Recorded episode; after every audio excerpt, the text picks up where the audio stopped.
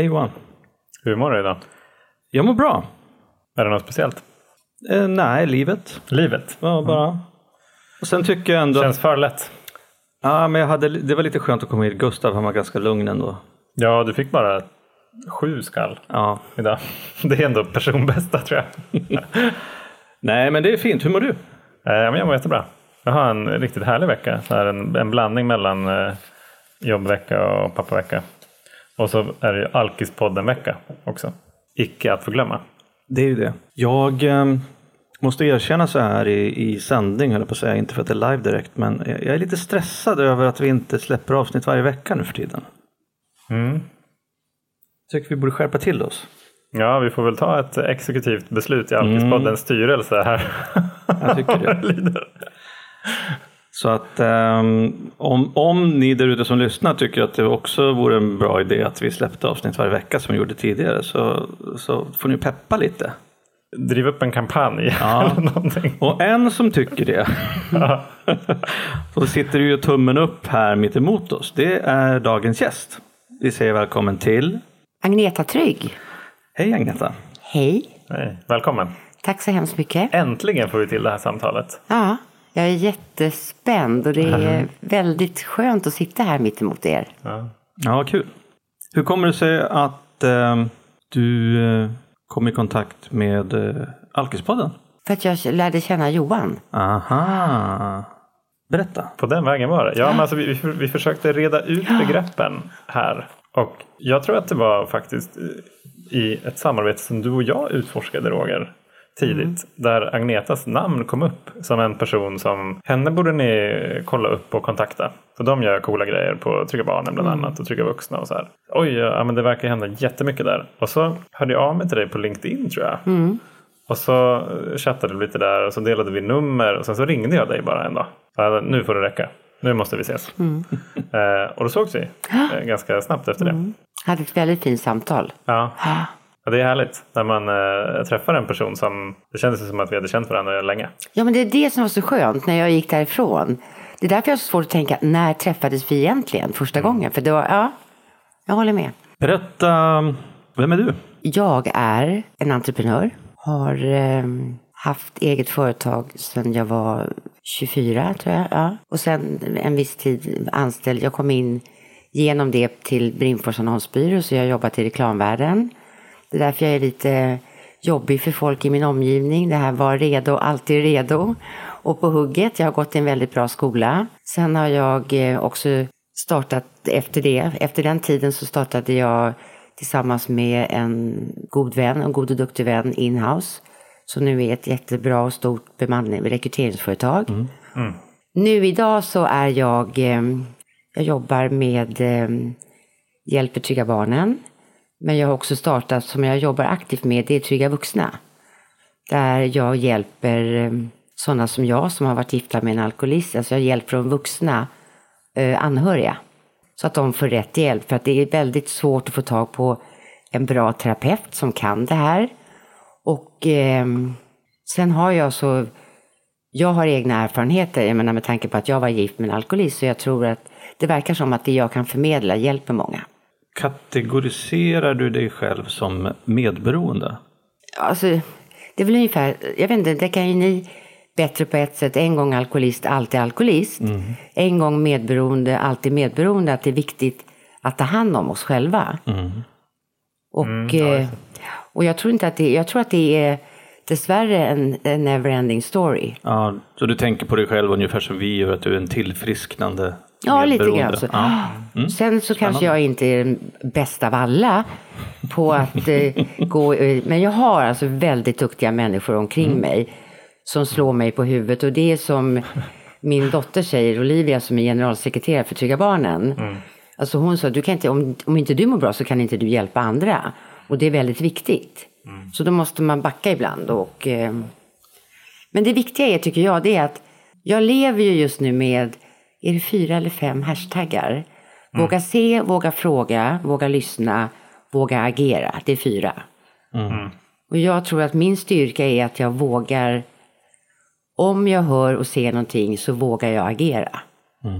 Så att Ja, må- många blir jätteirriterade på mig för att jag lägger mig i. Men Då känner jag så här att om det kan hjälpa ett barn till ett bättre levande och mående så får folk bli, hellre bli arga på mig. Vi pratade ju här lite grann innan vi började spela in och det har inte riktigt alltid varit så att du har vågat agera Nej, eh, på det sättet när vi pratar om relationen med din, eh, när du var gift med alkoholisten. Kan du inte berätta lite grann om hur, hur livet var då? Jo, men det, jag kan ju då bara börja med att säga att som Olivia säger, hon kan tänka på, på mig och hennes pappa som några liksom, de mest kärleksfulla människor. Vi stod och pussades i köket. Vi var verkligen jättekära. Och det är, jag menar, vi blev ihop, vad var det, 75. Men vi gifte oss inte förrän 84. Och sen var det då 2002, 2003, 2003 när han liksom, när det accelererade.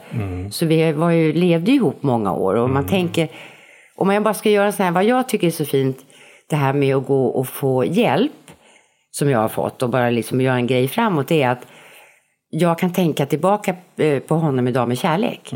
De här fina stunderna, det är väl därför jag blir så ivrig. Du vet att man ska få hjälp och få rätt hjälp. Men historien med honom, alltså om jag kan sitta ibland på kvällarna och tänka och titta i gamla foton, eh, vad jag ställde upp liksom. Det var, jag får höra mina barn också att jag var den, den bästa som lekte med oss, det var pappa.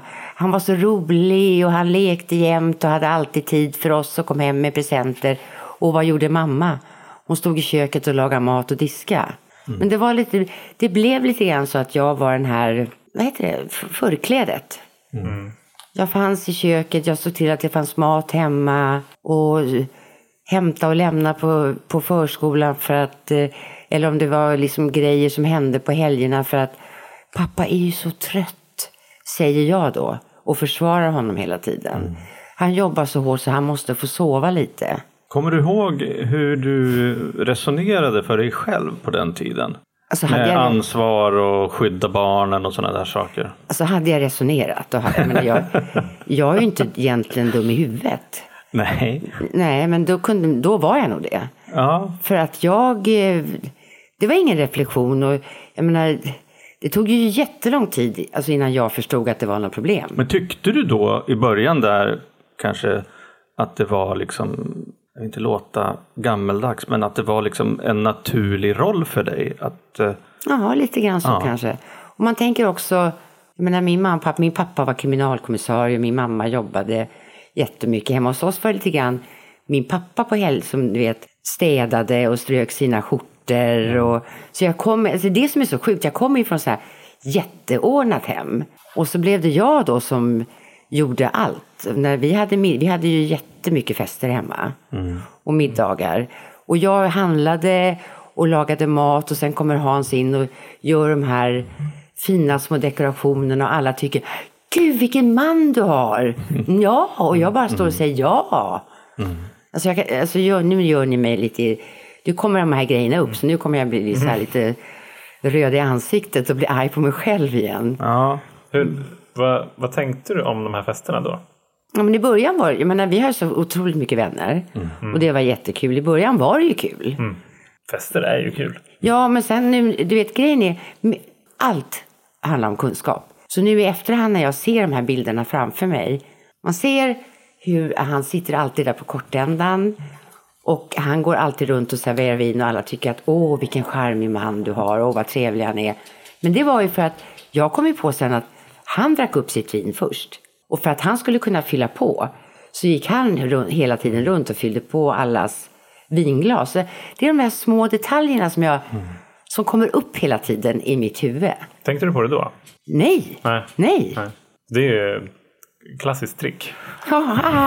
ja jo men, Nej, men- Alltså, både, jag känner igen det där jättemycket. Att eh, både, både att jag var den också som alltid var tvungen att fylla på. För att Ja, precis. folk runt omkring men de drack ju som mesar. Nej, men för att, alltså, för jag tror, för jag har också haft det där. Jag har liksom alltid velat se till att det finns alltid extra mycket alkohol så att det aldrig ska finnas en, ens en, en, en sannolik, sannolik chans att det någon gång skulle ta slut. Och, och jag pratade aldrig med någon annan om det.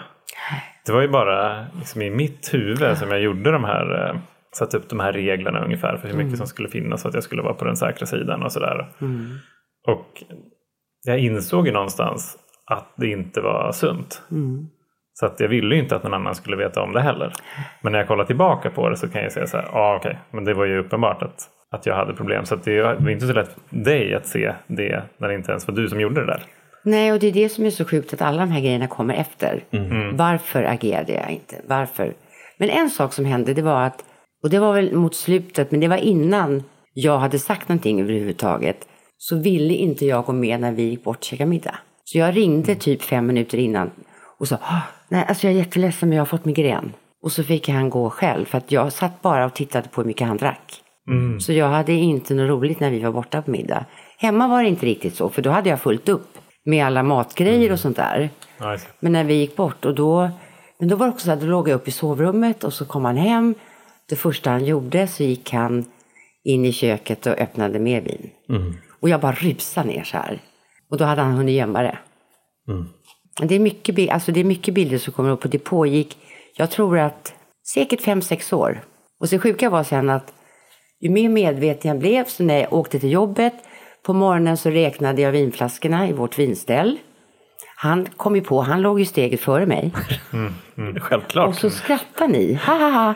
Ja, alltså det är för att vi känner igen oss så Ja. mycket i det där. Jo, men då i alla fall, så när jag kom hem på kvällarna så jag började gråta liksom när jag satt i, i, i Ösbyrondellen.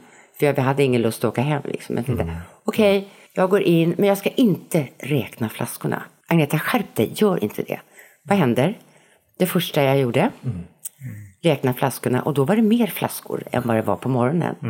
Då hade han, vet, han hade koll, så då åkte han och slängde alla tomflaskor och tog en taxi upp till systemet och köpte mer. Så det var hela tiden var det sådär.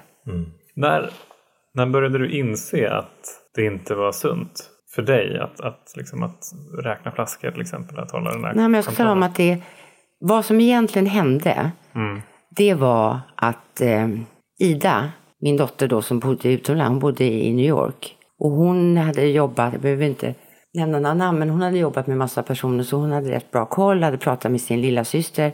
Och det är, alltså Oskar, min äldsta son, det är sex år mellan honom och Ida. Och sen är det elva år ner till Lillpluttan. Så hon bodde ju kvar hemma, så att det var faktiskt Ida som är hjälten i vår familj. Som ringde till mig och sa, om inte du lämnar våran pappa så föraktar jag dig. Mm. Oh, wow. Ja, det är så starkt. Alltså, jag gråter varje gång. Och då tog det fem minuter. Så ringde jag till Checkpoint. Vad är det för något? Det var en sån här behandlingsställe. Så jag tror inte, jag vet inte om de finns kvar längre. Och då var det en terapeut som heter Lars Ögren. Som ju svarade. Och jag glömmer aldrig det, för det var en fredag. Och då sa han så här. Kom till mig på måndag klockan tio. Jag tror jag stod upp hela helgen. Ja, redo. Alltså, och han var så bra. Alltså han gav mig såna här ledord, liksom gå upp på din platå. Alltså han var, han var så ska, alltså jag behöver någon som slår mig i huvudet och säger nu, nu gör du så här, inte det här, och hur tänker du nu? Alltså det går inte. Han, var, alltså, han hjälpte mig jätte, jättemycket. Och jag gick till honom under en lång period. Och det, alltså det hände väldigt mycket olika saker, men vi gjorde, och då skulle vi, eh, i den vevan, då hade alltså Hans, han och hans bror hade ett företag, som, eller en reklambyrå som skulle gå ihop med en annan reklambyrå. Och då skulle de få jättemycket pengar och de skulle sälja alltihopa.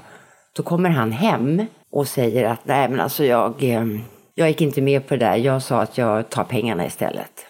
Mm. Och då, då gick jag på det. Men det visade sig sen att de ville ju inte ha honom för de hade ju förstått att han hade problem. Och efter det, det var då det eskalerade ännu mer. Liksom. Så de köpte ut honom helt enkelt. Ja. Och då, det var ju då liksom helvetet började. Det var det jag satt och funderade på, för jag kommer nämligen ihåg det. Och jag tänker att det bara var hans brorsa som förekom där då. Ja, okej. Men jag, jag tänker på en sak, alltså det som, alltså du sa att vi skrattar, det är för att jag känner igen Ja, jag- jag- både, det- både, både Hans beteende, men det som jag tycker är slående, det är ju det att, att du som medberoende uppvisar, inte exakt, men uppvisar väldigt liknande beteende som jag känner igen att jag hade, fast liksom tvärtom. Att det är just det där, du berättade också tidigare här att du att du ibland gick ut i köket och hällde ut vin. För att du ville kunna köra bil till exempel. Där jag då, vi då kanske, vi gick in i köket för, för att fylla på vin utan att någon skulle se. Så, att, så att det är, det är skrämmande och ja, betryggande på något sätt också att, att, de här, jag menar, att den här mentala besattheten som i vårt fall handlade kring att få dricka eller inte kunna dricka. Det var liksom det enda vi tänkte på. Att du, det låter som att du var ungefär lika besatt av din mans drickande eller inte drickande på det sättet och vad han höll på med. Så där. Och det är ju jätte... Jag tror att det är någonting som jag inte har förstått förrän vi började prata med medberoende egentligen i den här podden tidigare. Hur, hur, hur svårt och hårt liksom den, det beroendet också liksom sitter i, i huvudet på, på er. Och på ett sätt är det nästan ja, värre och värre, men vara medberoende, du får ju inte lika mycket uppmärksamhet som en alkoholist. Om du förstår vad jag menar. Ja. det, nu, ni fattar ju det. För det blir ju, gud vad töntig det är. Liksom. Varför? Men jag har ju blivit väldigt så här tydlig med, när jag pratar med andra som lever med alkoholister, släng ut dem fort som fan. Ju Precis. fortare ju bättre. Liksom. Ja, det var det. Jag, tänkte, jag tänkte fråga det innan då den här, det här samtalet och den här helgen och, och att du gick till terapeuten.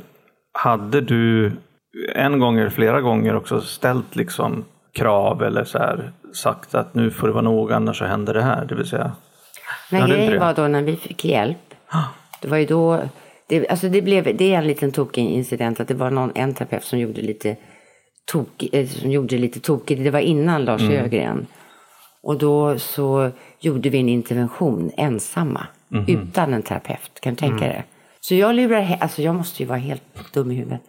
Jag lurar hem Hans. Mm. För han ville ju inget hellre än att komma hem. Så trodde han att vi skulle käka middag ihop. Då kommer han hem och då hade vi skickat iväg Olivia för vi tyckte hon var för liten. Hon var bara 15 år så hon var i, jag tror att det var på sportlovet om hon var och åkte skidor eller någonting. Så då var det de andra barnen med sina respektive. Som då när vi sitter där Hans och jag så kommer de in och så säger vi gemensamt vi har bokat in dig på nämndemansgården, du har 48 timmar på dig. Då bara reser han på sig och går. Och Ida då, som är en, verkligen var stark i det här. Hon går, alltså för mig som mamma och höra henne, det är det här som jag, det jobbar jag fortfarande med. Hon går efter sin pappa och säger, pappa du har 48 timmar på dig. Och välja bort, välja oss eller alkoholen. Och han bara går. Och det, var, det handlar ju om att han hade pengar. Jag menar, jag bodde kvar i huset, han bodde på Grand och Strand. Och, jag menar, det var så många ställen, så han gömde sig i trädgården. Och, alltså, grejen är väl också att jag har vågat fråga. Jag ordnade ju så att han fick besöksförbud. För det hade blivit, han gjorde inbrott i källaren. Och då kom polisen. Då sa jag, du måste komma hem till oss och hjälpa oss. Vi, det är obehagligt att vara här. Nej men det gör väl ingenting, det är väl inget farligt. Men då kom polisen hem. Mm. Kom in i vardagsrummet och satt och pratade med Olivia och mig. Och efter det så fick han besöksförbud och sen åkte polisen förbi oss varje dag. Men han slog oss aldrig. Han har aldrig slagit mig liksom eller någonting. Men, men det är det här som jag tycker är så läskigt men ändå fint som Olivia säger. Att det här, den, den psykiska, eh, vad ska man säga, skadan, den är lika hemsk. Men det var som jag sa till polisen att jag har inga, han har inte slag för då första de frågade då när han, om de hade slagit oss. Nej, jag har inga blåmärken här men jag har blåmärken här inne i, i hjärtat och det, ibland kan ju det nästan ta längre tid att läka. Och det är det som jag försöker få folk att förstå nu att många av de här alkoholisterna de är ju, det syns inte för Hans, det var ingen som såg att han var alkoholist. Han var jättesnyggt klädd, han var skitsnygg och jag menar, han, han raglade inte, han snubblade inte och han snubblade inte på orden heller. Så att det, var ju, det var ju som när jag försökte prata med våra vänner. Det var ju inte någon som förstod. Vad sa För- de då? Nej men han är ju så charmig. Han var ju jättegullig. Jag menar det, det, jag kan förstå det. Men ja, det är lång och varaktig söndring på något sätt. Och bara för att göra en insikt för att folk ska förstå hur viktigt det är att ta hjälp. Så att dina barn får hjälp. Det är ju att även om jag har fått jättebra hjälp. Alltså jag gråter en stund varje dag.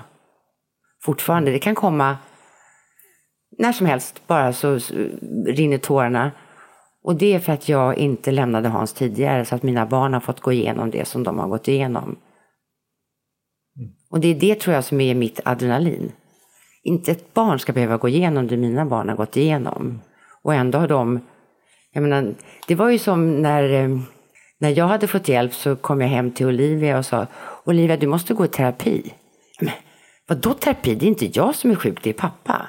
Jag tvingade henne. Vi åkte ju runt till sex eller sju olika terapeuter. Jag satt utanför och väntade tills hon hittade en terapeut som klickade. Och hon är ju den som är klokast av oss alla.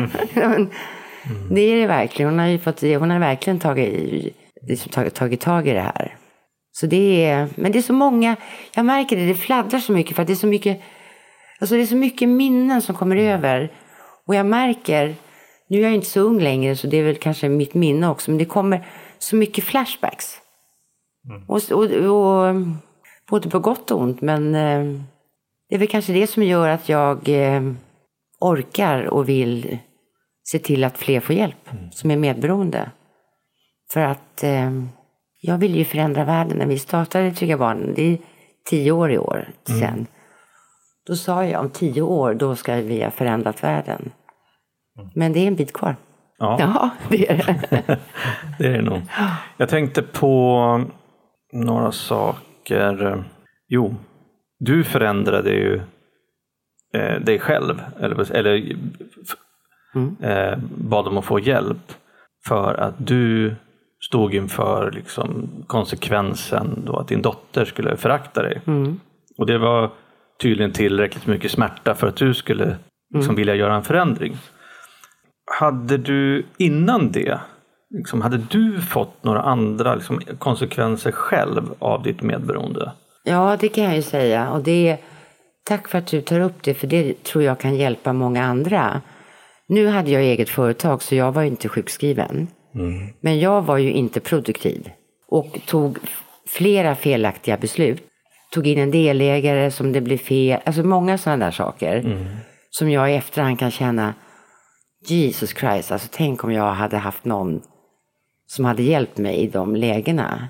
Men det är, det, det är nog det, och just det här att jag, det, jag alltid klarat mig men jag kan bli så här, det kunde ha blivit så mycket, mycket, mycket, mycket bättre. För, Då menar du att, att du fattade lite felaktiga beslut för att du var så upptagen i dina tankar och din, att liksom sköta om Hans och barn Ja, och familj och se och till han- att allting funkar och sådär. Ja, jag var jätterädd under en period. Nu hade vi ju ett garage som jag kunde köra ner i under mitt företag. Men han kom ju till, till mitt företag och gick in och satte sig där ibland. Alltså det var många sådana som jag tänker tillbaka på nu som var fruktansvärt obehagligt. Ja, och, men alltså jag tog ju vä- väl, för det första så var jag inte så produktiv. Jag var där, men jag var inte närvarande. Och ehm, så en sån, eh, om man bara hoppar lite framåt, vad jag gör nu det är ju att jag, eftersom jag själv har haft ett bemannings och rekryteringsföretag, så ringer jag runt till de bemannings och rekryteringsföretag jag känner till och frågar om de vågar ställa de här frågorna när de anställer folk. Det görs inte. Nej. Vad är det för frågor? Ja, har du, har du någon i din närhet som dricker eller hur, dricker du själv för mycket? Alltså bara ställa, väcka den tanken.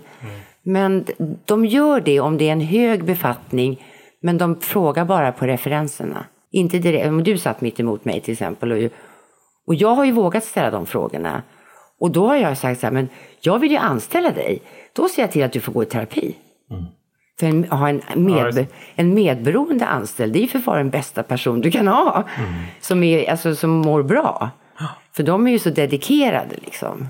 Ja, men det, där, det där är spännande för att det, det är eh, jag har ju också ett eh, förflutet nu, nu får jag säga, i, i byråvärlden och då jag har ju varit öppen med min alkoholism och så där och då var det en av delägarna på byrån som jag jobbade på för något år sedan som sa att ja men nu har vi, vi har fattat policybeslut att vi inte ska ha något och alkohol på festerna och sådär. Och, och jag bara, ja det är väl bra men de har 40 pers ungefär anställda.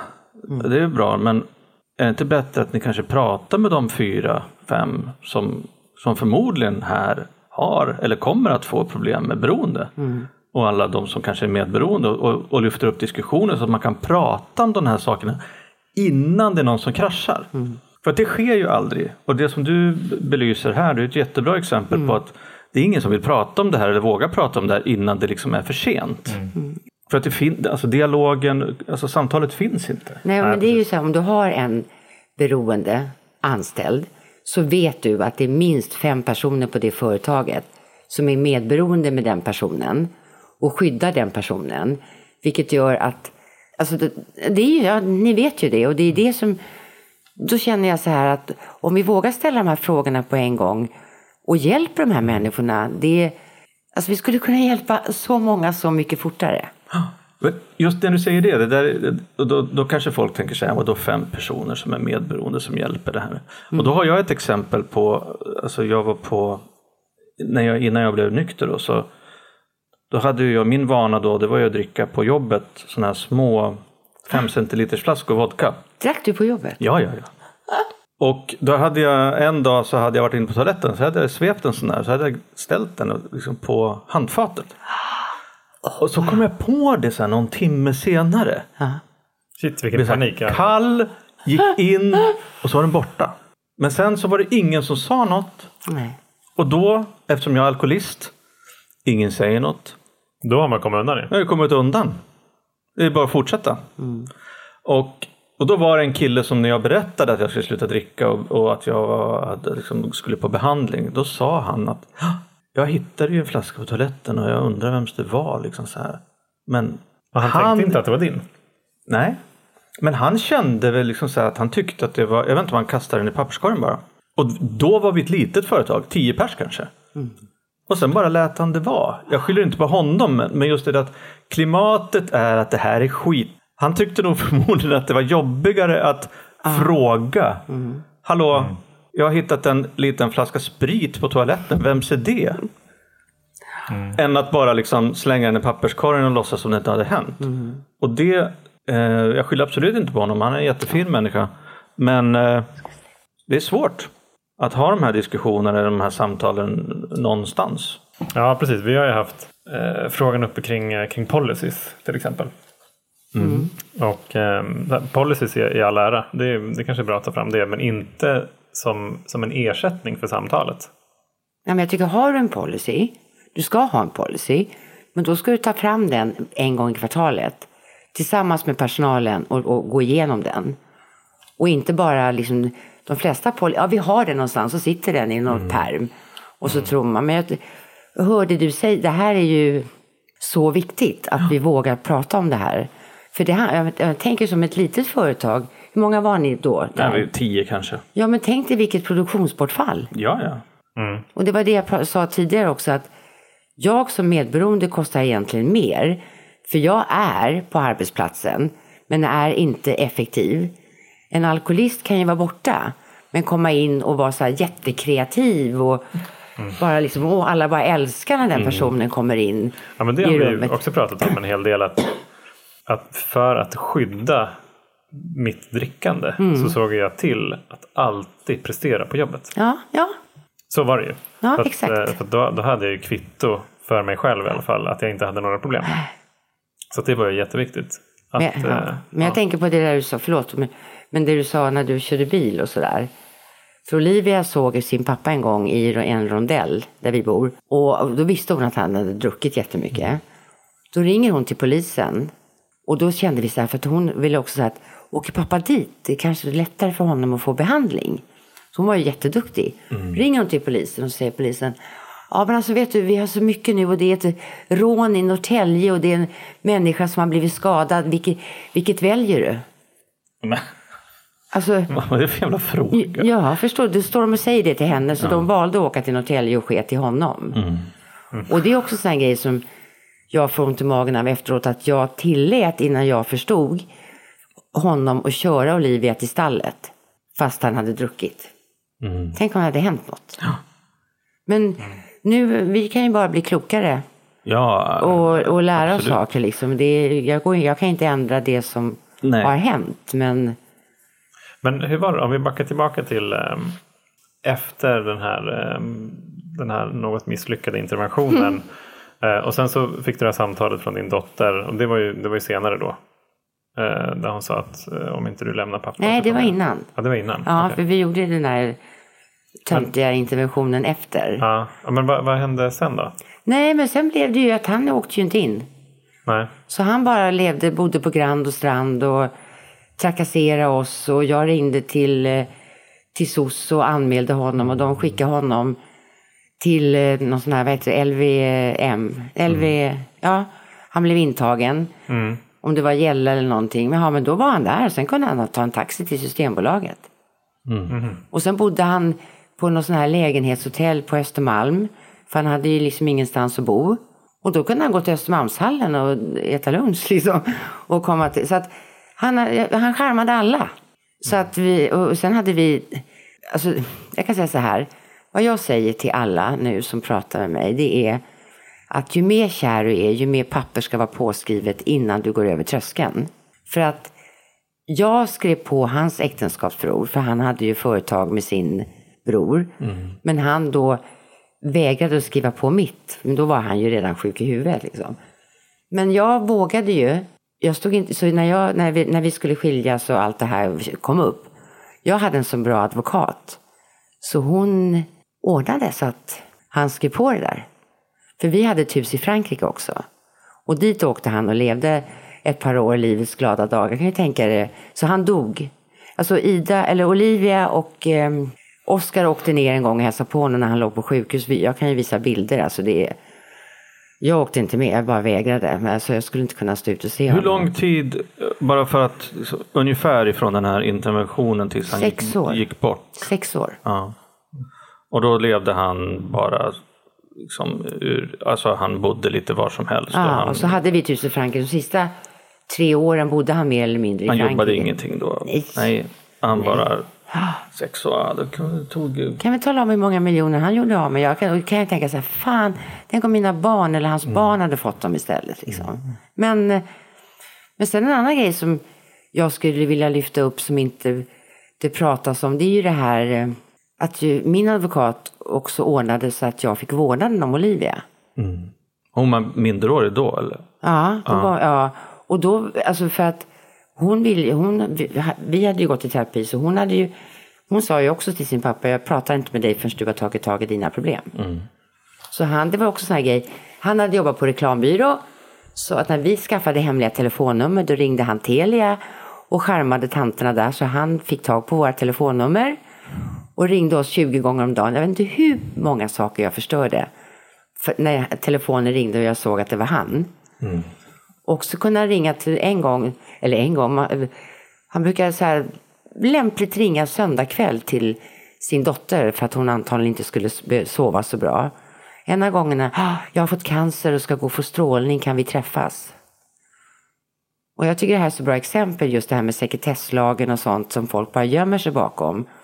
Då ringde jag till Danderyds sjukhus och sa jag vill veta om Hans Trygg har cancer. Vi kan inte säga något på grund av sekretesslagen. Okej, då har ni fem minuter på er. Då kommer det stå TV4 och Aftonbladet Expressen står på den här gårdsplanen. "Ah, Du ska få tala med chefen på eh, hudkliniken. Ja, och han var jättebra. Alltså, det handlar, allt handlar om kunskap.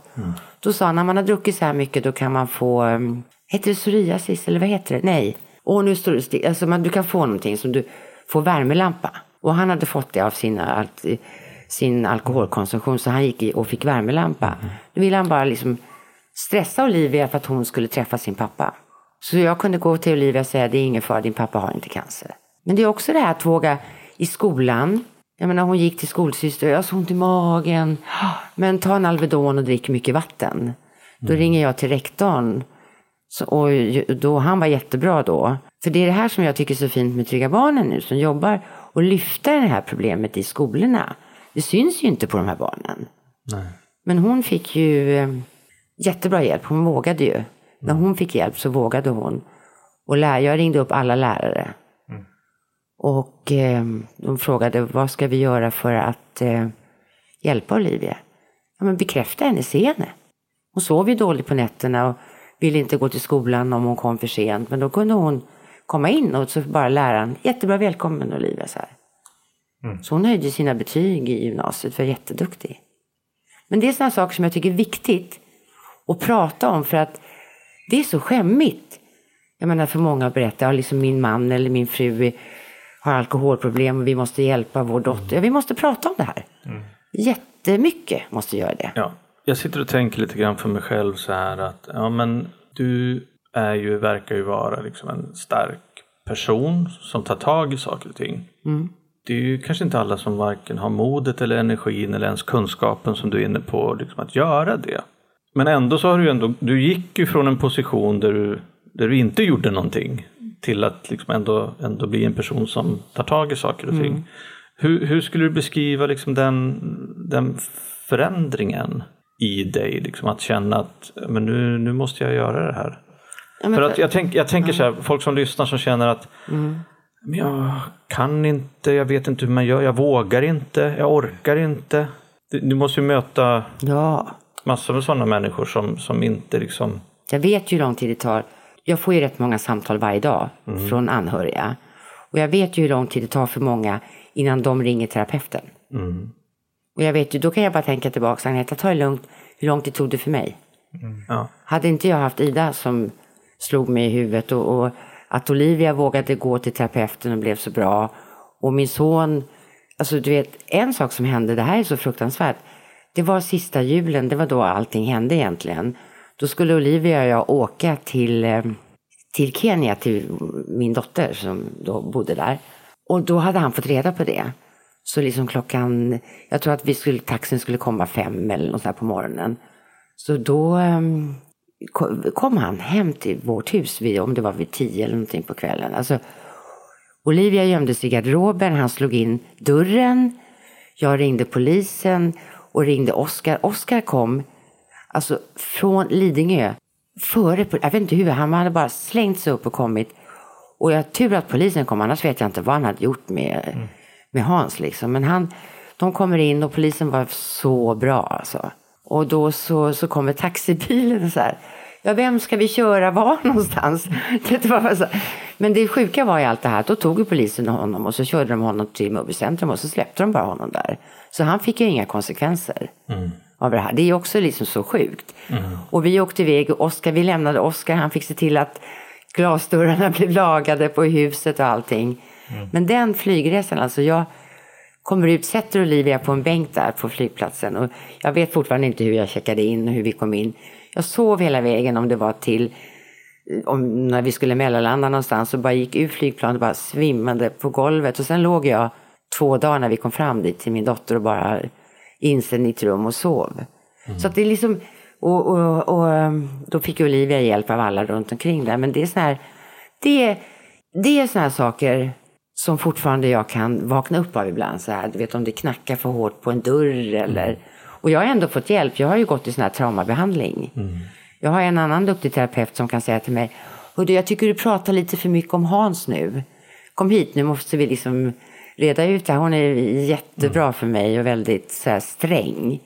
Men eh, du frågade någonting som jag skulle svara på, nu svamlade jag iväg. Ja, men den här, den här förändringen ifrån att inte vara en som inte gör någonting till att bli ja.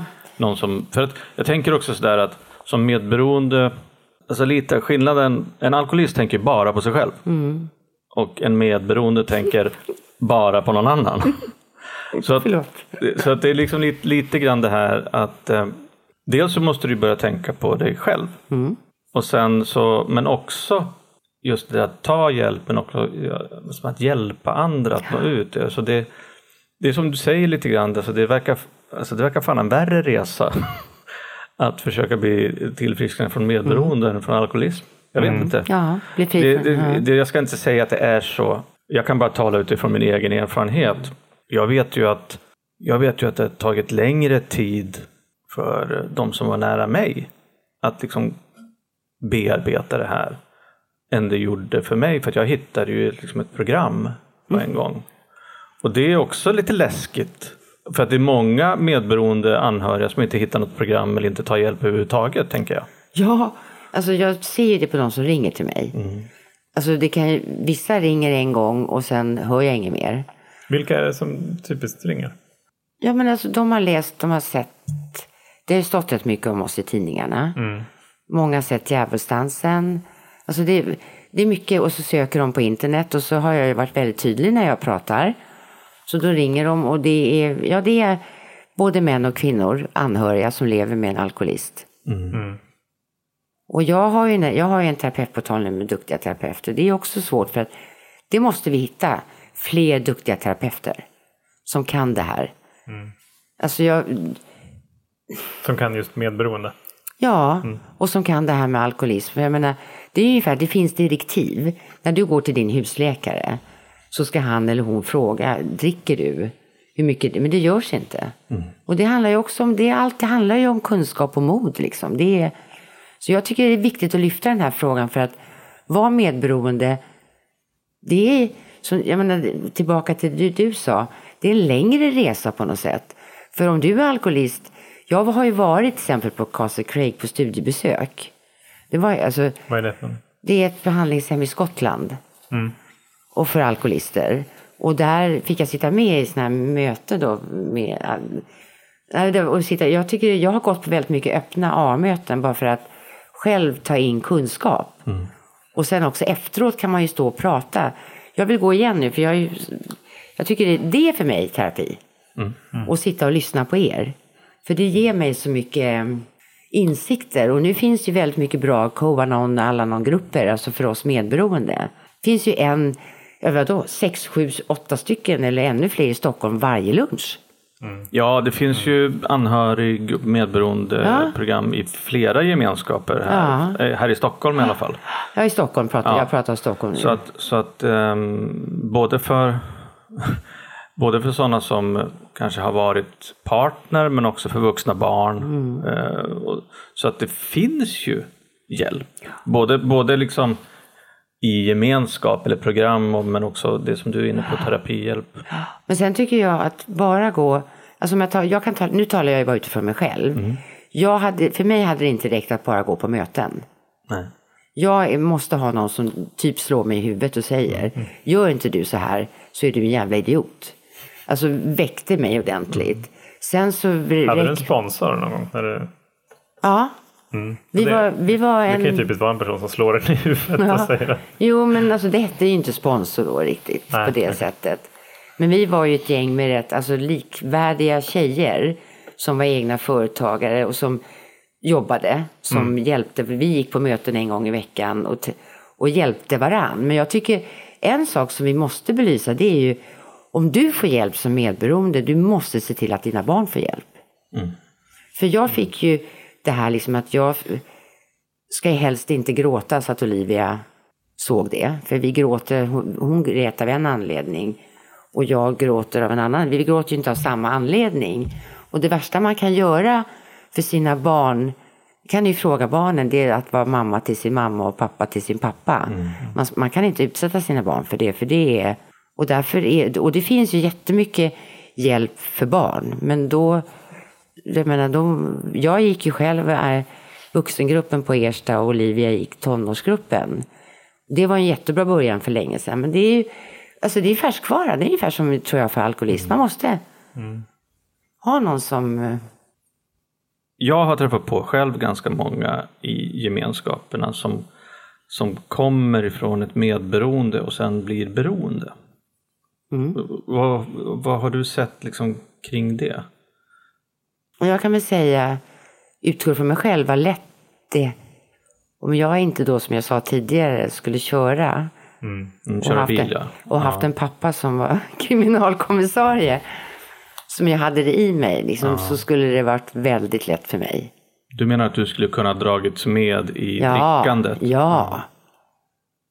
Men, eh, Kände du att du fick lägga band på dig? Liksom, eller? Ja, lite grann. Men sen var det inga problem när jag förstod hur sjuk Hans var. Alltså, men, Ja, ja. men det var ju under middagarna lite, menar, det, jag kan ju visa mitt fotoalbum, vilka middagar vi hade hemma. Liksom. Det, det, men jag, men eh, ja, jag tycker det är viktigt att lyfta. Att vi måste alltså, lyssna på varandra och våga. Jag menar, om jag ser att ett barn mår dåligt, ja, men det är så många konsekvenser för barn. De kan bli anorektiker, få bulimi, kan börja skära sig. Och jag menar, har du en pappa eller mamma som är du vet den här psykiska, mobbning handlar ju väldigt ofta om det. Om du ser, om du blir behandlad så hemma så är det så lätt att ge igen på en kompis i skolan. Och har du sett din pappa kanske slå din mamma, jag tror inte ett barn börjar slåss. Ja, nu kanske med alla Fortnite och alla sådana här tv-spel, men jag tror också att det påverkar hur du har det hemma. Och det är många barn som, ja, som får hjälp. Du vet, de får, det kan bli, många blir ju in, inåtgående, så får de ont i magen och föräldrarna förstår egentligen inte riktigt, oj då. Och jag vet, jag har ju pratat med läkare, alltså många diagnoser, ADHD och sånt där. Det är ju många föräldrar som vill ha en diagnos på sina barn. För att kunna säga, ja men du vet, Bosse är så jobbig för att... Och så är det jobbigt hemma. Och då får barnen hjälp i skolan. Så det är mycket sådana här saker som jag tycker är viktigt att våga fråga. Vad heter det? Vi har en, en lyssnarfråga som tangerar det här lite grann. Från en tjej som heter Nadja. Och hon säger så här, hej. Hur hjälper man eller undviker man att barnen blir medberoende? Har du några tips på verktyg som kan hjälpa en som förälder? Ja, men se till att barnen får hjälp. Alltså de måste gå i terapi. Hur gamla, det beror på, alltså ett barn ser och hör och förstår mer än vad ni tror från det att barnet är fyra år. Ja, från fyra. Men, Ja. men kan man liksom... Vad, vad kan man göra som förälder om det inte är terapi först då? Ja, alltså så att barnet inte blir medberoende. Man måste ju prata. Alltså det är inte okej att dricka. Alltså du mår inte bra om du dricker alkohol. Och för, och för det första så är, alltså medberoende som barn kan du bli, åh mamma är trött, hon har ont i huvudet och pappa jobbar så hårt så han måste vila. Ja, men det är ju det här att bli mamma till sin mamma och pappa till sin pappa. Man får, får inte bli förälder till sina föräldrar. Nej. Och märker du det som medberoende vuxen eller anhörig, då är det din skyldighet idag tycker jag, att se till att barnet får hjälp. Jag tänker så här att ehm, det måste ju vara otroligt svårt att med tanke på den här frågan att om man lever i en dysfunktionell familj Ja. med en alkoholist eller en beroende och en, en vuxen då som är medberoende. Jag kan inte jag har svårt att tänka mig något scenario där barnen inte blir påverkade. Ja, precis. Nej, men de blir ju det hela tiden. Ja. Så, att, så att det jag tänker, så svar på den frågan, det, det du har varit inne på, det handlar ju om, utan att sätta någon, någon press på medberoende, men, men det svåra är ju liksom att kanske sätta stopp eller säga ifrån i tid. Ja. Och så, ja, jag vet ju om du är medberoende, jag menar hur lång tid tog det för mig Ja, innan jag... exakt. Men vad jag skulle vilja det är om vi kan belysa det här Mm. i fler, på fler plattformar. Ja. Som nu är det jag som pratar, sen kanske fler börjar, alltså vi börjar prata mer och mer. Då är det så här, tänk om en granne visste att mamman eller pappan hade problem och den andra föräldern inte gjorde något och barn. Och då, alltså jag tycker, jag skulle ju agera idag, lätt. Och gå och knacka på dörren och säga, hallå, så här kan inte ni göra mot ert barn. Och riskera att få någon på mig som blir skitförbannad. Men det är det Men, värt. det, men det, det tror jag avskräcker många. Att Ja, men det är ingen som vågar. Och du måste, alltså det handlar om kunskap. Det är det vi måste våga prata om mer. För att om ett barn blir medberoende, jag menar, man, alltså antingen, jag brukar säga så här, det är kanske det är inte helt okej, men jag- det stämmer rätt ofta. Om du har en mamma eller pappa som är alkoholist, så risken är väldigt stor att du själv blir det när du blir äldre, för att du har ett beteende. Och även om du är medberoende, och så skiljer du från din alkoholist så träffar du en ny om du inte får hjälp. För du är van vid ett beteende och det är det beteendet som vi måste bryta. Och hur gör vi det? Kan, du, kan ni Nej, hjälpa ja, mig? Ja, jag vet inte. Det är en liksom omöjlig på fråga. En, en grej i det där, alltså om- jag är tillsammans med någon som är beroende. Mm. Och så märker jag själv att jag är medberoende till den personen. Mm. Det bästa sättet jag kan hjälpa mina barn, tänker jag, det är att liksom jobba med mitt eget medberoende. Först och främst. Ja, men det är precis. Du måste Eller- ta hand om dig själv först. Du måste ta hand om dig själv först för att kunna hjälpa dina barn. Men då måste du ju få den här medberoende personen att förstå det. Och det är det vi måste, det är det jag försöker göra med mina inlägg och när jag är ute och pratar. För att det är bara, alltså, bara våga vara jävligt jobbigt tror jag. Men jag, jag tänker på er situation där eh, innan, innan ni tog tag i saken. Där du säger att ja, men vänner och, och folk runt omkring tyckte att, att Hans bara var charmig och kunde inte... Men sa du någonting då?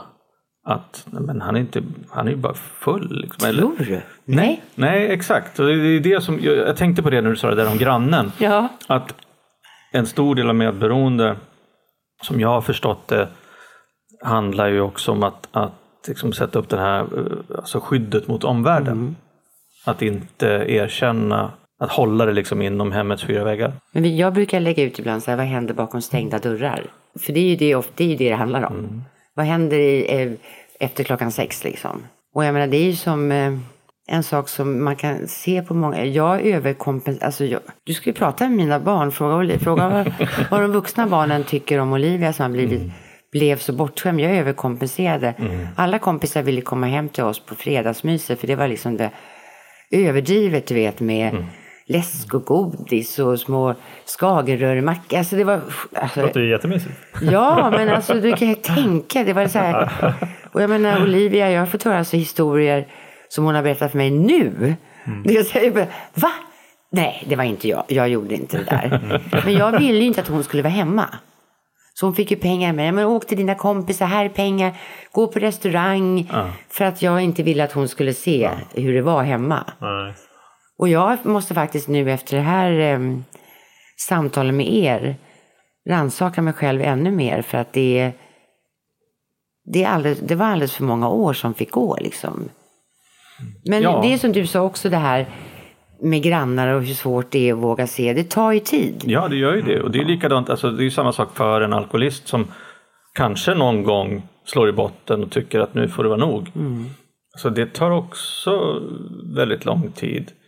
Så att jag vet tusan, och det, det är ju liksom den här magiska frågan. Hur, hur kan vi få människor med de här sjukdomarna, beroende och medberoende, att tidigare liksom bli uppmärksamma på det och inse liksom att, man har, att man har problem och tycker liksom att inte det är en, en stor grej inom citattecken. Så här, att, för, det- för det är just det där, jag, jag satt och just tänkte på det som du sa Johan, där, att om, om man är medberoende till någon, liksom att kunna bara kunna ta upp det här med drickande och beteende på ett casual, liksom vanligt sätt. Det är, det är, det är liksom, alltså det är sånt där som man går med, med, med liksom ont i magen i flera veckor. När ska jag kunna säga det här till den här människan? Att jag tycker kanske, eller vill fråga om han eller hon, hur dricker du egentligen? Hur mår du? Alltså det, det är ju sådana processer. Det borde ju vara ungefär som man frågar liksom, ja, du låter lite förkyld. Hörru.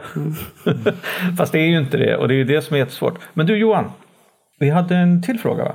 Vi hade en till fråga och den kommer från Mikael Lund. Och han, han skriver så här. Hej Agneta, tack för ditt och ert outtröttliga arbete för att belysa familjesjukdomen. Hur har du bearbetat sorgen och maktlösheten i efterhand som skapades under din partners drickande? Jag har eh, gått i terapi. Går fortfarande. Får hjälp. Jag har eh, inte blivit hypnotiserad men jag har fått jättebra hjälp där man jag vet, inte vad, he- jag vet inte vad det heter men för mig funkar det jättebra. Man ligger på en säng och sen så den här underbara terapeuten bara pratar med mig och så bara kommer det upp saker som jag bara kan häva ur mig liksom. Och gå därifrån som en pånyttfödd människa. Liksom. Det låter ju magiskt. Det låter ju Jo men, jo, men alltså, jag kan verkligen rekommendera. Ska jag, säga jag vad, ska jag säga vad hon heter? Ja, det får du göra. Ja, hon heter Gaia Petinska. Hon har ett företag som heter Lifecap. Ja. Hon är grym. Alltså hon har hjälpt så många som, av de som har ringt mig.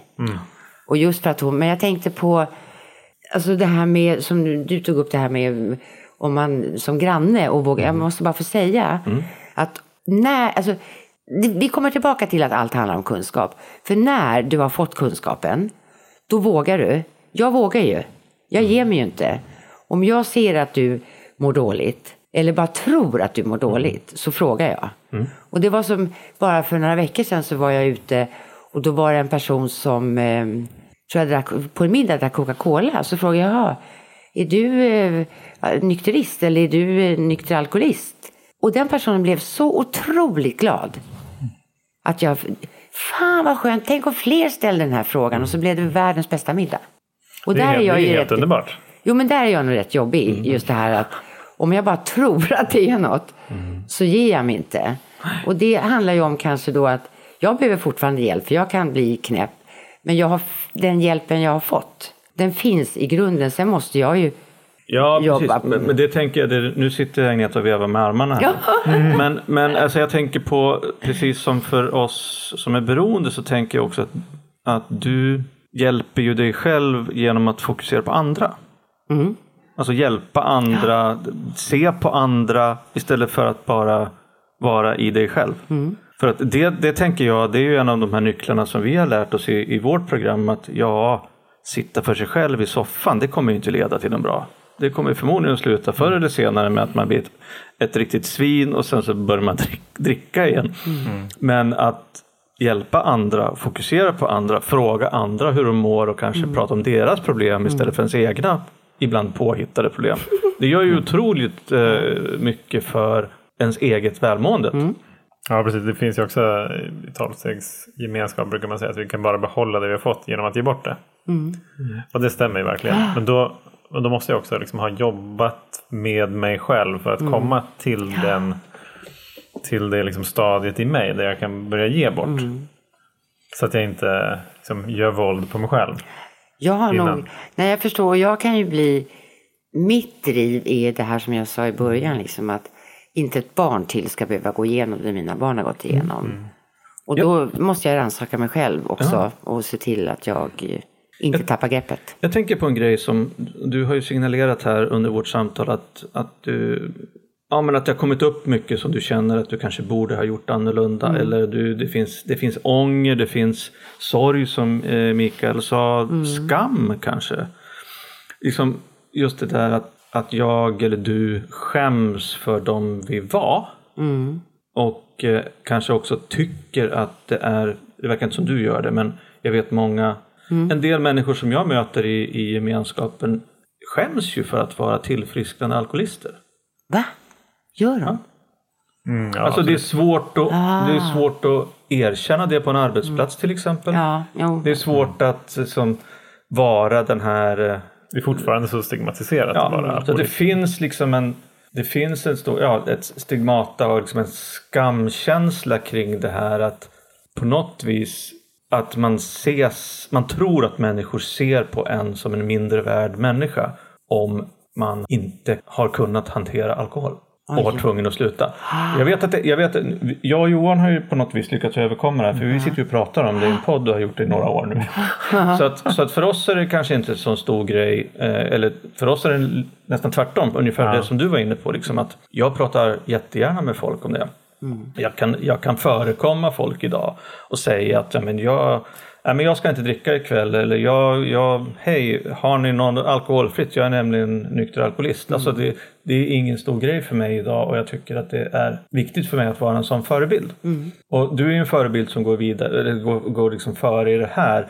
Men jag kan tänka mig också att du möter en del skam, människor som, som hör av sig till dig. Ja, som, ja, men det är ju det här, vad händer bakom stängda dörrar? Det är ju så många som inte vill berätta att, sin, att mannen eller frun har problem. Det är, det är väldigt vanligt. Mm. Men jag kan säga när du säger det att ni, jag är så här, mina idoler det är ju nyktra alkoholister. För jag vet ju vad ni har gått igenom. Alltså jag kan ju bli så där, ja jag får sätta upp sådana här porträtt på er på väggen. Nej men alltså det, Ja, men, ja, men jag, Ja. jag, förstår, jag, jag kan nog förstå hur du känner. För, för mig och för oss är det liksom lite tvärtom. Mm. Vi tycker ju att medberoende och anhöriga är, är hjältar. Ja, absolut. Jaha, ja vad fint. För, att, för att vi har fått liksom vi har fått vara med i samtal där vi kanske på ett, på ett vi, har, vi vet ju vad vi själv har ställt till med och våra, våra närmaste och sådär men att få höra andra dela om sina erfarenheter och, och när liksom själva när, när vi börjar inse hur stort det här, den här som, som Mikael också säger, den här familjesjukdomen, hur stor den är och hur mycket det ställer till med och vilka spår som finns kvar i människor även om vi har blivit nyktra så, så det är ju någonting som, som sitter liksom kvar länge, länge. Ja, precis. Jag kan väl tycka att om, om alkoholism är en ganska dold sjukdom, vi gör ju vårt bästa för att dölja den, Ja, så är ju nog medberoende ännu mer dolt. jo men det, alltså För att det, det finns ännu mindre kunskap exakt. om det. Eh, Men det är ju ännu fler som drabbas. Dessutom så är det ju tjafs nu om ska det heta medberoende eller anhörig.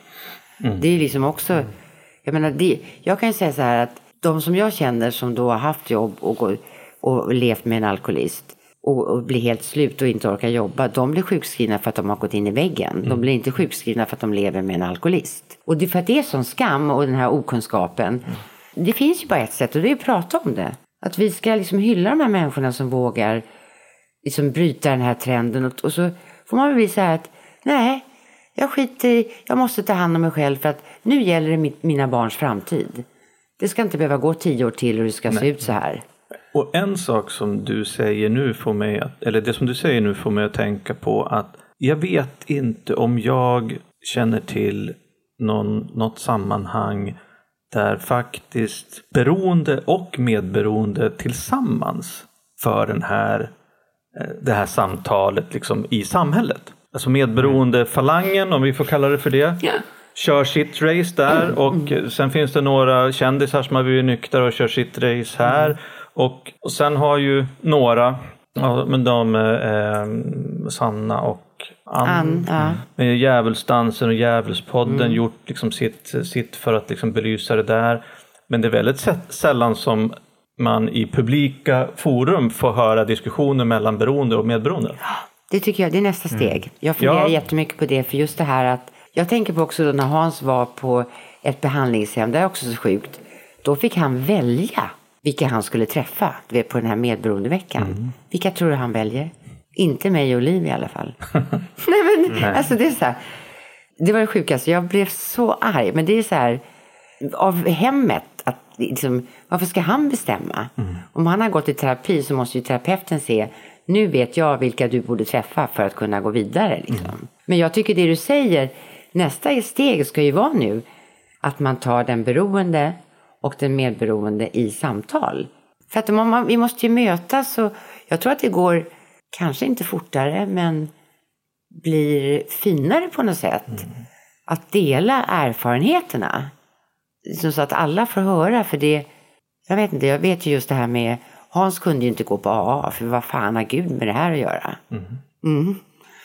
Och jag tycker att eh, för mig, det är också så, jag var ju, jag hade ju Summit då som låg precis med kyrkan där, vad heter den? Allhelgonakyrkan.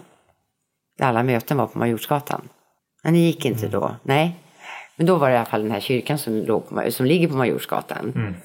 Och då vet jag att jag gick på de mötena och sen när det var såna här tillställningar, vem var det som stod i köket då? Tills min terapeut kom dit en dag och så sa han så här, vad fan gör du där? Vet du, är du medberoende eller? Gå bort därifrån. Nej, men det är så här. Det, det var så, och det var en sån här bra grej. För då, du vet, det gick upp 15 ljus. Varför är det jag som står i köket? Ja, det, är, det är rätt typiskt. Ja, men det där, det, var en, det tycker jag är en sån här bra signifikativ sak för medberoende. Ja. Att bli, och jag kan få, alltså, jag, är, men jag har alltid varit sån egentligen. Jag är liksom uppfostrad lite grann medberoende. Att man ska skicka födelsedagskort och namnsdagskort och man ska fira allt som går. Min mamma var sån. Fira allt som går att fira. Men det finns ju också en, det, är en, det finns ju någon liksom fine line där mellan att vara vänlig och omvårdande och liksom omtänksam och medberoende. Jo, jag. det har rätt i. Ja. Och liksom gränsen går väl någonstans där jag börjar göra våld på mig själv. Eh, liksom, vad, vad, vad är syftet, vad är drivaren till att jag skickar alla de här korten? Vad tänker jag händer om jag inte gör det? Ja, det är som nu när jag är både farmor och mormor. Säger jag nej till att vara barnvakt någon gång? Nej. Men jag älskar mina barnbarn. Ja, ja. Jag tycker det är fantastiskt. Liksom. Ja Men- precis, för det i sig, du behöver ju inte säga varken liksom till eller från Nej. om man skulle vara medberoende. Nej, precis. Och det beror ju på om, vill jag det verkligen? Ja men det är bra. Ja. Men- Men, jag men- kan ju men- få höra ibland så åh, liksom du, alltså, säg nej någon gång. Det är så här. Så det är väl att- så här, om jag verkligen inte vill men inte vågar säga nej.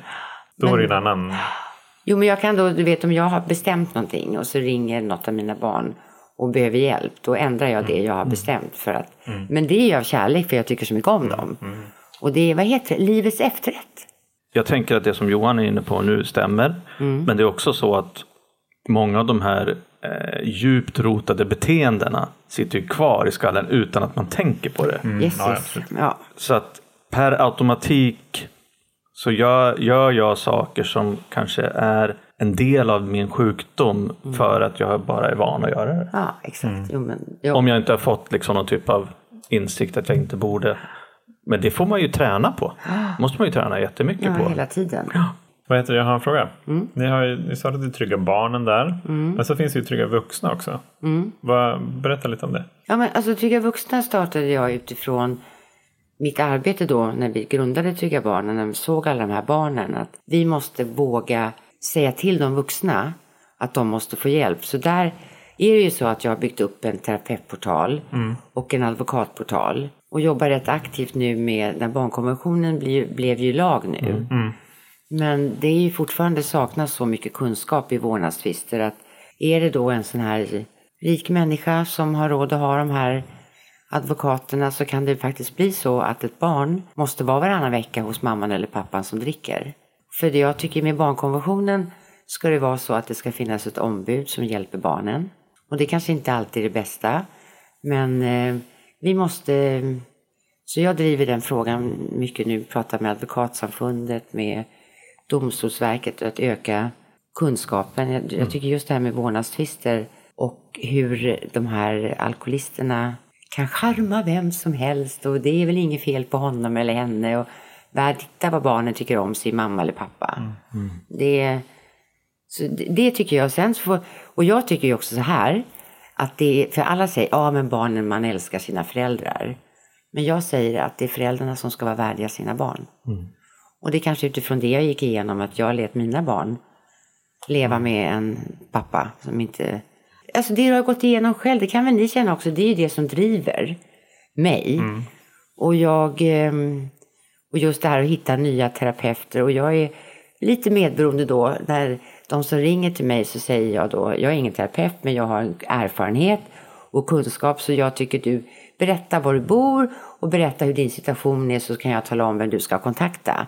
Men jag har ett krav och det är att jag vill att de återkopplar till mig. Och det är kanske är dumt på ett sätt för min egen medberoende men samtidigt så vet jag hur lång tid det tog för mig att söka hjälp och då tänker jag på barnen. Så att jag vill att alla som kontaktar mig, bara, de kan skicka ett sms eller de kan ringa och säga ja men nu har jag haft kontakt med Madeleine Schwartz. Till exempel. Och då vet jag, då släpper inte den terapeuten dem. Och då kan jag, för jag tycker det är återkoppling, det är ungefär som, men jag vet för du är liksom i reklambranschen eller du på jobbet, det är A och O. När du jobbar då tycker jag det ska vara samma sak i det här, för det är ju ett jobb för mig. Så att eh, det, det är väl den stora grejen med Trygga Vuxnalism, att öka kunskapen, se till att de medberoende får hjälp så att barnen fortare får ett tillfrisknande.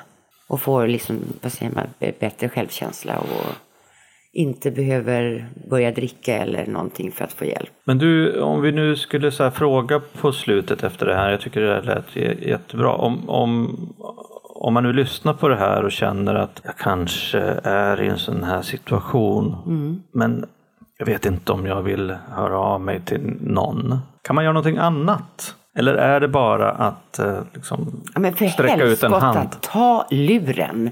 Eller det gör man inte längre. Ta den där datorn och skicka ett mejl. Med Adressen och jag tror till och med telefonnumret står på Trygga Vuxnas hemsida, Mm. tryggavuxna.org. Och hör av dig. Och då, fan, äh, förlåt, gör det. För tänk på, alltså har du barn. Man får svära i podden. Ja, har du barn så är det ditt ansvar. Och, eh, f- och för din egen skull också. Det är ju kunna se dina barn i ögonen.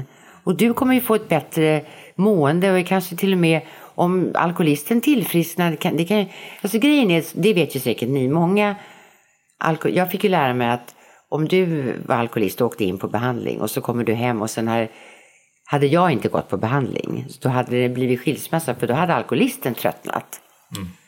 Eller hur? Så att då måste, det det är också en aspekt. Så det kan ju faktiskt bli så att om eh, alkoholisten tillfrisknar och den som är hemma går och får hjälp så kan ju det, det kan ju, fa- och oddsen är ju inte helt borta att det kan bli bra. Men det är, Eh, jag vet inte så många fall där det har blivit det, men jag vet några där det har funkat. Men jag tycker att om du lyssnar på mig nu, om jag får säga det här, och det tänker jag säga, och du lever med någon som dricker för mycket eller drogar för mycket, så hör av dig så ska jag se till att du får ett bättre liv och att dina barn kommer må bättre. Så kan jag väl säga. Vad heter det? Jag har, jag har en fråga. Ni startade ju Trygga Barnen för tio år sedan. Mm. Och så var det så här, om tio år ska vi ha förändrat världen.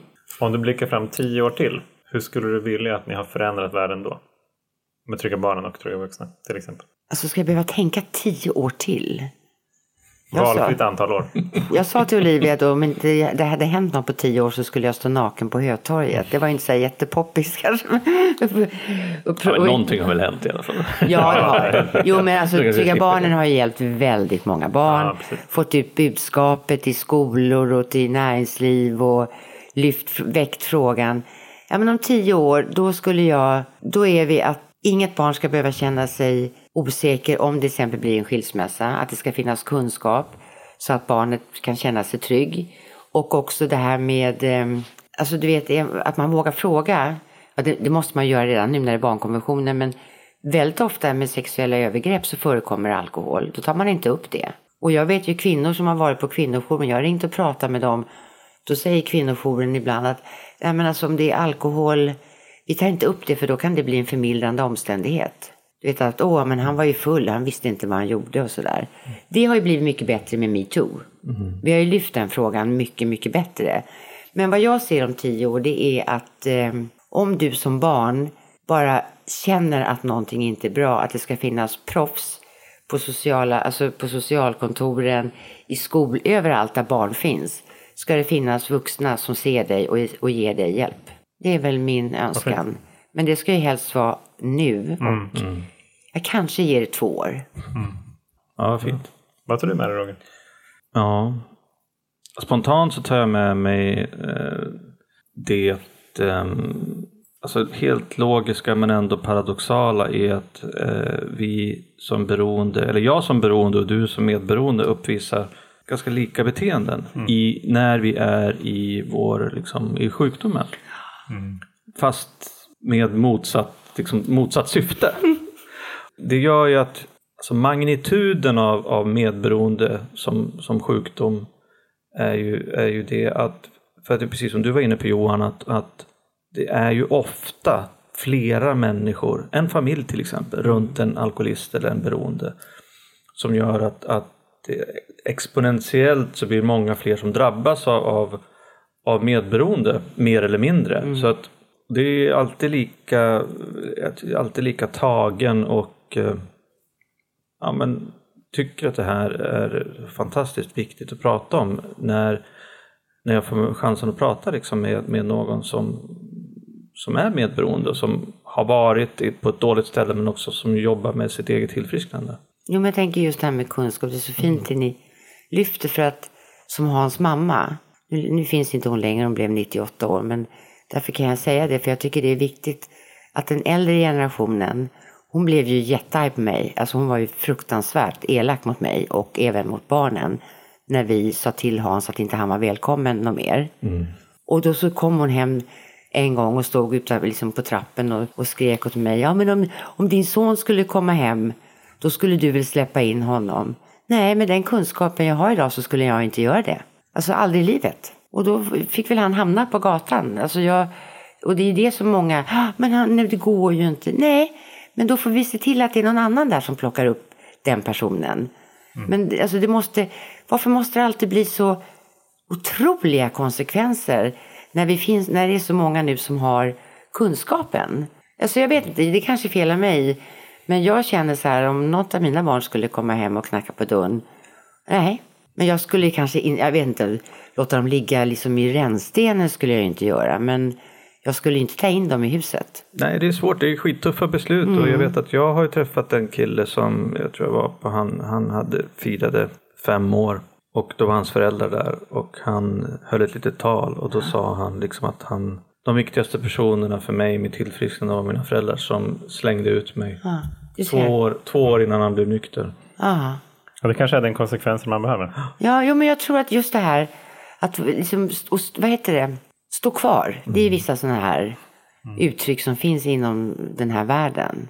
Och det, men det handlar ju, allting kommer tillbaks till kunskap. Ju mer du kan, om, det spelar ingen roll egentligen vad du är, ju mer du kan, ju roligare och bättre blir det. Och nu kan vi lite mer. Nu kan vi lite mer. Vad, tänk, vad tar du med dig Johan? Ja, men ja. Alltså det, är ju, det har varit fint att lyssna jag tycker det är så strångt att du liksom vågar, vågar berätta det som det har varit. Utan liksom, förskönande omskrivningar. Ja, men det, det är fint tycker jag. Jo, men... Och, och jag tror att det, det, det är precis det som vi behöver för samtalet. Jag blir, eh, ja, men jag blir pepp på att fortsätta dels vårt samtal, Roger, och att i ett nästa steg föra samtalet vidare till att också inkludera samtal mellan beroende och medberoende. Alltså det skulle vara så bra tycker jag. Mm, det om vore ni gör det. jättespännande. Men har de fått svar på, har jag svarat Ja, det okej verkligen. på frågorna? tycker Så det är verkligen. viktigt. De får väl höra av sig själva om de är irriterade över att det inte var så uttömmande. Men, Ja. men eh, enligt min bedömning i alla fall. Så det, Ja. nej, men det, det, det slår ju mig också att det verkligen är om vi säger, två sidor av samma mynt. Mm, exakt. Det är så eh, likt och jag har, eh, jag har ju själv en hel del så här, medberoende karaktärsdrag som jag har druckit mycket på. Vad då som? Ja, men Säg som något. till exempel att jag, jag har ofta velat liksom kontrollera andra. Jag har Jaha. velat att de ska gilla mig till exempel. Alltså, så. Och det där har ju blivit jättejobbigt. För att jag har gått runt och kontrollerat så himla mycket. Så då har jag Ah. belönat mig själv med att dricka. Nej men gud, det där var... Ja. Så att, så att det kan också liksom vara någonting som liksom det, det kan föda varandra Mm. väldigt mycket. Så att det behöver inte vara så att man är i en relation där någon annan dricker Mm. eller är beroende för att du själv ska vara medberoende. Nej men vad jag, alltså jag säger så här, jag är glad. Låter inte klokt, men jag är glad att Hans blev alkoholist. För att jag skulle inte fått, antingen då hade jag levt kvar i den där världen. Bo liksom i villa och bilar och allt, det ska vara så gulligt och, och Var inte det härligt då? Jo, men alltså, den här insikten jag har fått nu, den här kunskapen. Och jag kan säga så här. Jo, det här är någonting som jag tycker ni ska ta med er, ni som lyssnar som är medberoende och har barn. När, det är både positivt och negativt. När du har gått i terapi och även barnen har gått i terapi, då blir det jobbigt. För då... Ärligheten kommer som en sån här brev på posten när vi har våra middagar och träffar. Då får jag Ja. veta. Och det är så skönt. För det är det här som jag inte skulle fått uppleva. Då le- alltså, om inte det här hade hänt. Nej. Mycket liksom, djupare närvaro och eh, jag vet inte, närm, alltså, värdesätta varandra mycket, mycket mer. Och, för det är väl så, även om du har någon nära som har gått bort eller dött. Så mm, alltså, du det kanske måste tyvärr hända någonting i livet för att du ska jag menar som ni som är nyktra alkoholister, ni har ju gått igenom en jätteresa. Och den här ödmjukheten som kommer, det måste väl ni känna? Eller? Ja, ja. Ah, Men det är som du säger, jag tänker att oavsett jag på säga, vad, vad man lider av innan man kraschar eller konsekvenserna blir för stora och man får hjälp. Eh, I mitt fall genom ett program och en gemenskap och så finns det andra sätt att få hjälp. Men, men, men grejen är att jag håller med dig för det öppnar ju upp till liksom så mycket nya möjligheter. Så att så egentligen för att, från att ha varit levt ett liv med tunnelseende eller varit ganska avstängd så är man plötsligt nu öppen och ödmjuk och kanske nyfiken och mer intresserad av andra människor liksom Ja. sådär, och vill, vill liksom att, folk, att jag vill må bra och jag vill att andra ska må bra.